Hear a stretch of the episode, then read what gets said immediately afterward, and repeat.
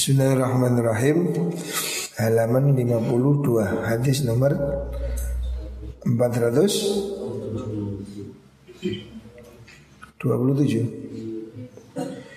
Bismillahirrahmanirrahim. Iyakum wal bidnata fi ta'am wa syarab. Fa innaha mufsidatun lil jismi. Turithu saqama Wa maksalatan anis salah Walaikum bil qasdi fihima fa innahu aslahul jasad wa ab'adu minas syaraf. Rasulullah sallallahu alaihi wasallam bersabda iyyakum kutiya sira wa bidnata ing kuwarken. Jangan kamu kekenyangan. Iyakum kutiya sira wal nada ing kewarken. Jangan terlalu kenyang.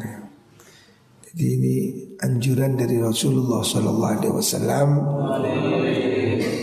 Jangan terlalu kenyang fitoami ing dalam panganan wasyarabi lan inuman. Ya. Jangan terlalu banyak makan dan minum. Ya. Fa'inah sudune bitnah Iku mafsadatun ngerusakaken Lil jismi maring awak. Orang terlalu banyak makan dan minum Itu membahayakan tubuhnya sendiri. Bisa menimbulkan penyakit no, Macam-macam kolesterol Asam urat Diabetes dan seterusnya. Jadi jangan banyak makan itu menyebabkan penyakit. Turisus sakoma. Turisun nekaaken opo mengkuno albitna. Asakoma ing loro. Sumber penyakit itu makanan Terutama Sumber problem hidup manusia ya. Faktor kesehatan ini sangat ditentukan oleh makanan. Makanya Makan jangan terlalu banyak.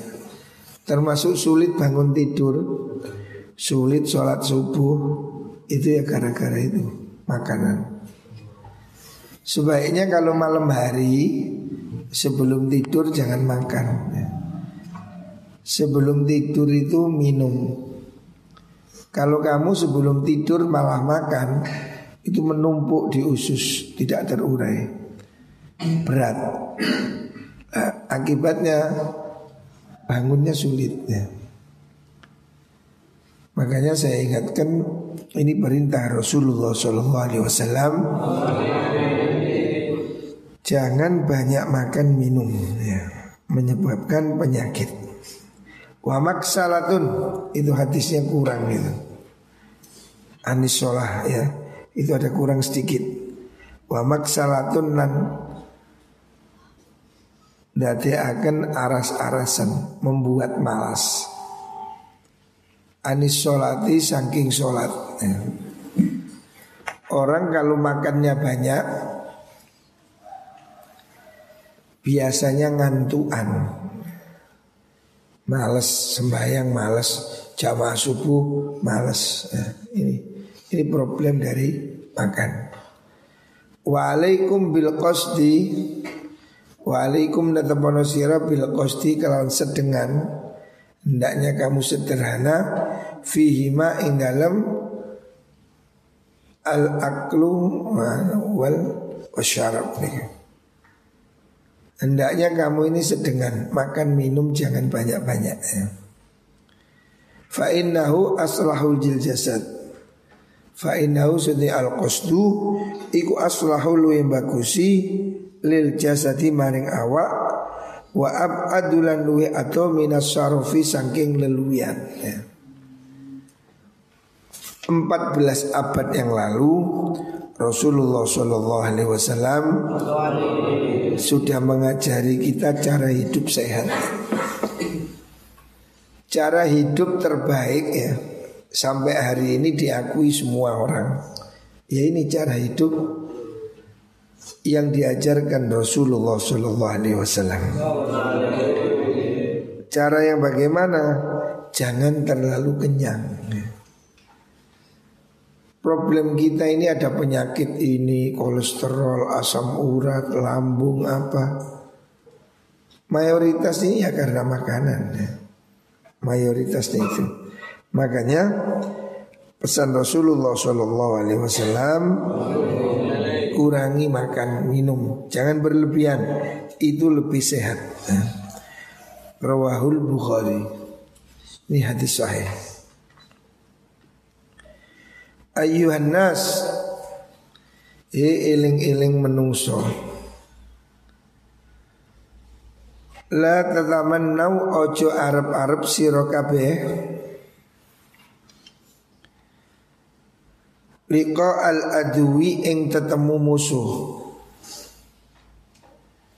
Jangan kamu berharap ketemu musuh Jangan cari musuh ya.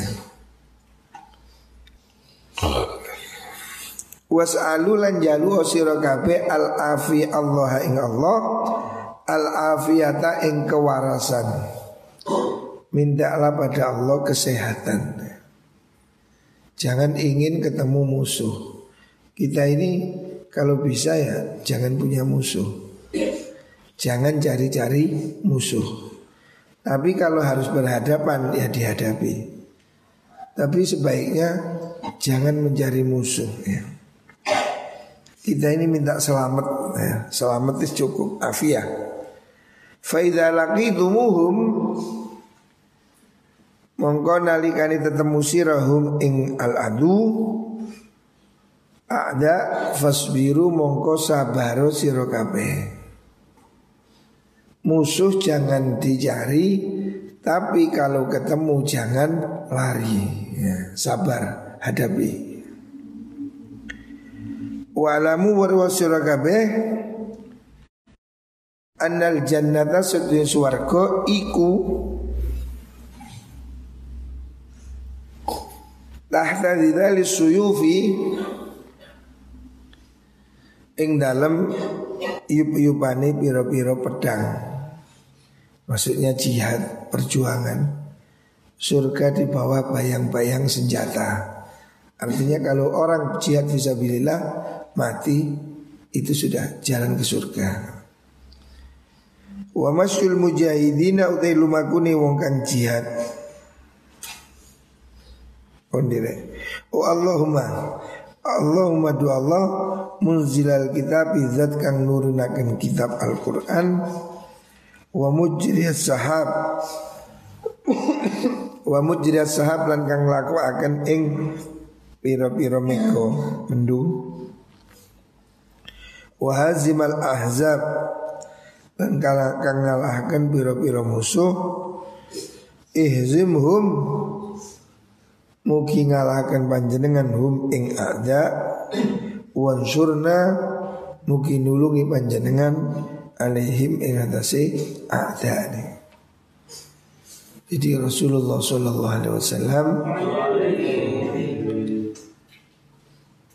melarang kita menantang bahaya.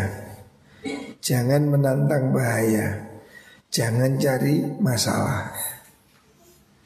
Tetapi kalau kamu sudah dihadapkan pada situasi perang, ya, jangan mundur. Ya. Sebab perjalanan jihad itu perjalanan menuju ke surga. Tapi jihad yang benar ya. Bukan jihad terorisme ya. Jihad yang membela agama Allah Rawahul Bukhari wa Muslim Hadis sahih Iyakum wal julusa fit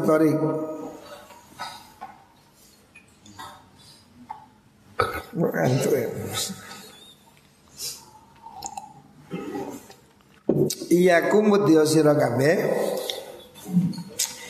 wal julusa ing lungguh alat turuqati ing atase pira-pira dalan. Jangan duduk di tepi jalan atau di jalanan ya. Jalanan ini jalan ini diciptakan untuk kelancaran. Termasuk jangan jualan di pinggir jalan. Itu mengganggu. jangan mengganggu orang di jalan. Duduk-duduk di jalan, jangan. Waqalu tahu sebuah sahabat. Malana budun Malana orang-orang iku ketika kita Budun utahi semuki Maksudnya kita ini tidak bisa menghindar Ia utawi turuk. Innama yang misalnya utawi turukat. Iku majalisuna Piro-piro nggon lungguh kita. Mulai zaman dahulu ya Zaman Nabi Bien Orang cangkruan pinggir rembong is umum. Sampai hari ini orang cangkruk di gerdu di pinggir jalan. Ini kan biasa. Lah ini sudah sejak dulu, sejak zaman Rasulullah Wasallam. Sahabat ini hobinya yang ini kumang lungguh pinggir rembong, adalah orang liwat ngobrol. Nabi melarang. Nabi mencegah mereka itu tidak boleh duduk di jalan. Mereka usul Nabi kita ini biasa duduk di pinggir jalan Ngobrol-ngobrol Nadat haddasu cerita kita fiha ing dalam turuqat Kala dawu sama Nabi Fa'idha abaitum nalikani nyegah sirakabe Illal majalisa angin ing pira-pira majelis kalau kamu memang tidak bisa menghindari duduk di tepi jalan fa'tu mongko awe sira at-tariqa ing jalan haqqaha ing hake tariq qalu dawu sapa sahabat wa ma haqqut tariq? Wa ma iku apa haqqut tariq uta hake jalan? Qala dawu sapa nabi ghaddul basar. Ghadul basori iku ngerekso peninggal Wakaful adha Lan nyegah piloro Menghilangkan gangguan. Waradus salam lan jawab salam Wa'mur wa amrun lan perintah bil ma'rufi kan bagus. Wa nahyun lan nyegah anil mungkari sanging mungkar. Rasulullah Shallallahu Alaihi Wasallam mengajarkan kalau kamu memang tidak bisa menghindari duduk di tepi jalan, memang hobimu begitu, maka yang harus kamu lakukan jaga haknya perjalanan. Apa itu? Jaga mata. Ya. Ojo lo nong wedok kok sweet sweetie, hey, sweet sweet. Okongi rek okongi Jaga matamu jangan jelalatan di pinggir jalan Wakaful adha Dan hindari sesuatu yang mengganggu orang lain Warudud salam Hendaknya kamu jawab salam Wa, amr, wa amrun bil ma'ruf Perintahkan kebaikan Kok ada wong wedok liwat Kak kudungan kandhanono yu kudungan yu. Hmm. Kono arek wedok roke cekak eh pupune ketok. Hmm. Wa nahyun anil mungkar. Cegahlah perbuatan mungkar. Ini kalau kamu harus duduk di jalan. Rawahul Bukhari. Al-bahru wa tuhur ma'uhu. Al-bahru tay segoro lautan. Huwa yal bahru iku tahuru kang suci nyuci akan wal kang halal apa maitatuhu batangi al bahru artinya lautan itu suci ya Lautan ini luas sekali. Dunia ini lebih luas laut daripada daratannya. Ini riwayatnya ada sahabat ya. Ada sahabat ini nelayan ya. bekerja di laut.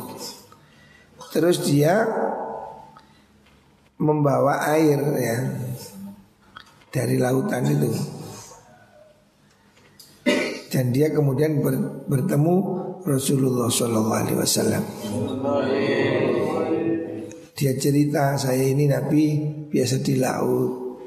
Ya saya ini bawa air untuk wudhu. Nah, Nabi mengatakan al-bahru wa tuhur. Kamu di laut ya wudhu air laut. Ya.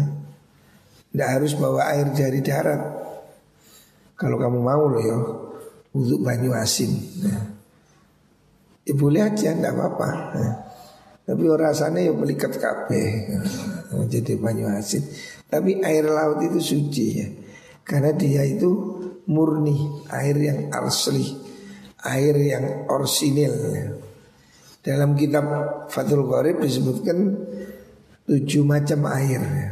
Air suci itu Air yang asli ya Air laut nah, Memang asli dari laut Cici ini kira air teh tidak asli. Karena apa? Asalnya air dicampur teh. Tidak bisa dipakai wudhu. Karena apa? Ini namanya bukan air mutlak. Air mutlak itu disebut air. Air kan air. Air aqua boleh. Lah aqua, aqua kan cuma merek. Ya. Air aqua pakai wudhu boleh. Karena apa? Karena dia masih murni. Air degan Tidak boleh Kenapa? Itu kan degan Airnya degan Air sprit Ya bukan air Itu namanya sprit nah. Jadi yang diboleh dibolehkan dipakai wudhu itu air yang masih asli dari alamnya. Air sumur, air sungai, air laut, air sumber, air hujan, air apa lagi? Air es, air embun. Nah, itu semuanya suci dan mensucikan. Artinya itu boleh dipakai untuk dipakai mandi boleh. Jadi kamu mandi air laut itu boleh. Tapi kan biasanya pelikat. Nah. Tapi air laut itu ada khasiatnya kan asin. Nah. Itu bisa mengobati al-gudik-gudik gitu gatel-gatel itu obatnya itu mandi air laut itu. Sing gudikan-gudikan itu mandi laut. Kalau banyu laut ya air garam. Makanya biasa dulu itu kalau anak pondok obatnya gampang, yuk ya garam. Ya kalau uya kayak banyu banget tikum tangan bendera isuk sore. Karena laut air garam ini anu antibakteri. Garam ini keajaiban Allah antibakteri alami. Kamu kalau mau kerasa nggak enak seperti mau batuk, mau flu itu, ambil garam, kamu aduk buat kumur sampai ke leher, muntahkan lagi. Kumur berapa kali? Longgar ya. Garam ini ada antibakterinya dan murah, sangat murah garamnya. Murah sekali ya. Apalagi kalau mau ke laut. Sekarang ini coba ya. Jadi air laut itu ada khasiatnya ya. Dan itu suci mensucikan ya. Al hillu maitatuhu halal apa maitatuhu nama batangi. Maksudnya ikan-ikan itu. Ini sebagai tahsis, sebagai pengecualian dari Allah yang memfirmankan dalam Al-Quran Hurrimat alaikumul maitatuhu Bangkai itu kan haram Surat Al-Maidah ya. Hurrimat alaikumul maitatu wadamu Apa lagi? Walahmul hinzir Wa ma'uhilla li ghairillah. Bangkai itu najis haram. Kecuali Nah ini kecuali. Bangkainya ikan Jadi ikan itu walaupun tidak dibunuh Tidak disembelih Itu halal nah. Tapi kotorannya tetap najis ya. Kotorannya ikan tetap najis ya. Lah kalau sedikit dimakfu. Ya kalau iwak sami ini iwak apa jenenge? Dipangan sak telek-telek gak apa-apa, digoreng. Tapi kalau iwaknya besar, telek sak gelas, ojo dipangan. Nah, karena kotorannya tetap najis. Tapi bangkainya suci. Jadi ikan yang sudah mati, sudah beku itu dimakan tidak masalah ya. Itu sudah di dipastikan oleh Rasulullah Shallallahu Alaihi Wasallam. Al yaminu selanjutnya al yaminu ala niyatil mustahlif ya. Al yaminu utawi sumpah iku ala niyatil mustahlifi ing atase niyate wong kang amrih sumpah. Maksudnya ini apa? Kalau orang itu disumpah oleh hakim umpamanya maka sumpahnya ini harus sesuai dengan yang diminta oleh peminta sumpah. Kamu sumpah nggak nyolong, sumpah wallahi. Maka dia sumpahnya harus minta sumpah gitu. Tidak boleh disumpah untuk niat yang lain ya. Makanya tidak boleh main-main dengan sumpah. Innamal a'malu bin niat Nah ini selanjutnya hadis yang populer Innamal a'malu tawi angin pestine sae piro-piro amal Iku bin niyati kelawan niat ya. Hadis innamal a'malu bin niat ini Hadis yang paling populer Soheh ya. Artinya sahnya amal ya perbuatan kita ini menjadi sah kalau ada niat. Ya. Kalau tidak ada niat ya tidak sah. Ya. Kamu kecemplung belumbang, ya terus tapi tidak niat junub ya tidak sah. Kamu cuci muka, niat membersihkan wajah, ya bukan wudhu, ya. sama-sama membasuh wajah. Makanya innamal a'malu bin niat amal itu tergantung niatnya. Wa inna limriin manawa. Wa inna limriin angin pestine iku kedua saben-saben wong suci ma utai perkara nawa kang niat sapa mriin. Semua orang itu tergantung apa yang dia niatkan ya. Faman kanat hijratu ilallah wa rasulih Faman tay sapani wong Iku nawa kanat ono opo hijratu hijrah iman Iku ilallah. Maring Allah wa rasulilan rasuli Allah. Fahijratuhu mongkau tay hijrah iman Iku ilallahi maring Allah wa rasulihi lan rasuli Allah. Siapa orang berhijrah ya, pada saat itu Nabi kan pernah hijrah dari Mekah ke Madinah, bukan ke Madiun. Dari Mekah ke Madinah hijrah dan sahabat diwajibkan hijrah. Orang yang hijrah menempuh perjalanan berat itu itu dapat pahala sesuai niatnya ya. Faman kana hijratu ilallah wa rasulih fa hijratuhu ilallah wa rasulih. Siapa orang hijrahnya ikut Nabi itu karena Allah, karena Rasulullah Berarti dia dapat pahala Hijrah karena Allah dan Rasulullah.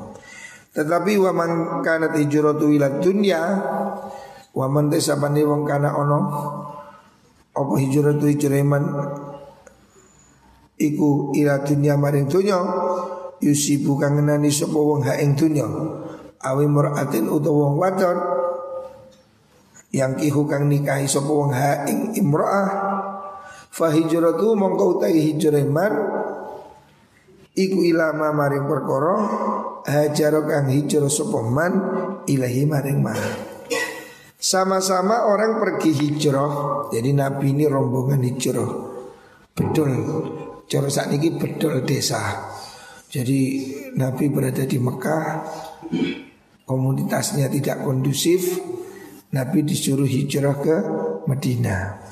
Sebelumnya juga ada hijrah ke Habasah, ke Ethiopia. Tapi Nabi kemudian disuruh hijrah ke Madinah.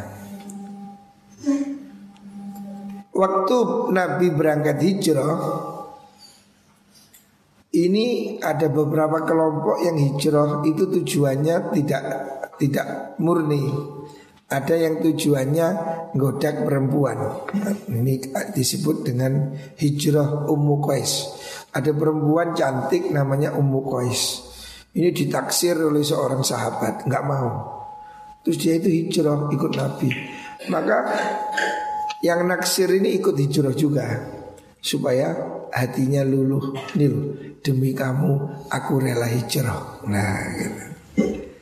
Akhirnya ya setelah dia hijrah wanita itu mau dinikahi. Makanya Nabi mengatakan siapa yang hijrah untuk dapat istri ya sudah dapat istri. Ya. Pahalanya lo rendah karena apa? Niatnya hijrah untuk cari istri. Ada juga yang niatnya hijrah cari ekonomi, cari harta supaya di Medina bisa kerja. Ya dia dapat harta. Sama-sama pergi hijrah Sama-sama perjuangan melakukan perjalanan yang berat Tapi pahalanya tidak sama Sesuai motivasinya Ya sama dengan kamu di pondok ini Sing kamu pergi ke pondok niat cari ilmu Niat cari hidayah Sergap ngaji, sergap jamaah Ya kamu mondoknya ini betul kamu dapat pahala besar. Kamu sedang jihad fi sabilillah. Malaikat dan semua makhluk hidup di dunia, di langit dan di lautan semua mendoakan orang yang mencari ilmu. Tapi kalau kamu ke pondok ini datang niati numpang turu, pondok anggap gerdu, turu kayak ini, awan nyingkre, turu mana ini. Ini berarti kan pondok anggap hotel gratis. Ya please kamu tidak dapat pahala. Ya berarti kamu di pondok ini penumpang gerdu. Siapa yang di pondok tidak jamaah, tidak ngaji, berarti dia itu sama dengan pergi ke gerdu. tahu gerdu? Jadi kamu harus benar. Kalau kamu ke sini niatnya mondok, yo ngaji yo. Kalau kamu datang ke sini niatnya mondok, sholat jamaah. Lah kalau kamu ke sini katanya mondok, tapi ngeluyur. Subuh gak jamaah, gak gelem ngaji. Tahu pokoknya Ndak-ndak sego Rugi malik sing masak ya capek gitu. Itulah bagian dapur itu jam dua bangun masak ngeliwat ini. Terus kon mek gini mek melek nyekek nelek nyekek nelek ngingu PT aku kayak gini lah. Apa bedanya BPT? Jadi kalau kamu di pondok ini nggak mau ngaji, nggak mau jamaah, pasti saya marah. Karena tidak ada gunanya kamu di sini ya. Sama-sama berangkat mondok Ada yang niatnya bagus Niatnya ngaji Cari ilmu Maka yang ngaji ya, Sembayang jamaah Ini benar ya. Tapi kalau kamu niatnya mondok Itu cuma cek iso ngeluyur Daripada di, di rumah Dimarahi bapaknya Daripada di rumah Dikongkon ngarit Wis mondok ae aku santai. Lho lagi niati santai ojo nang pondok rek. Nang gerdu ae. Nah, harus ditonton niat nih. Muka-muka kabeh diparingi ilmu sing manfaat. Amin.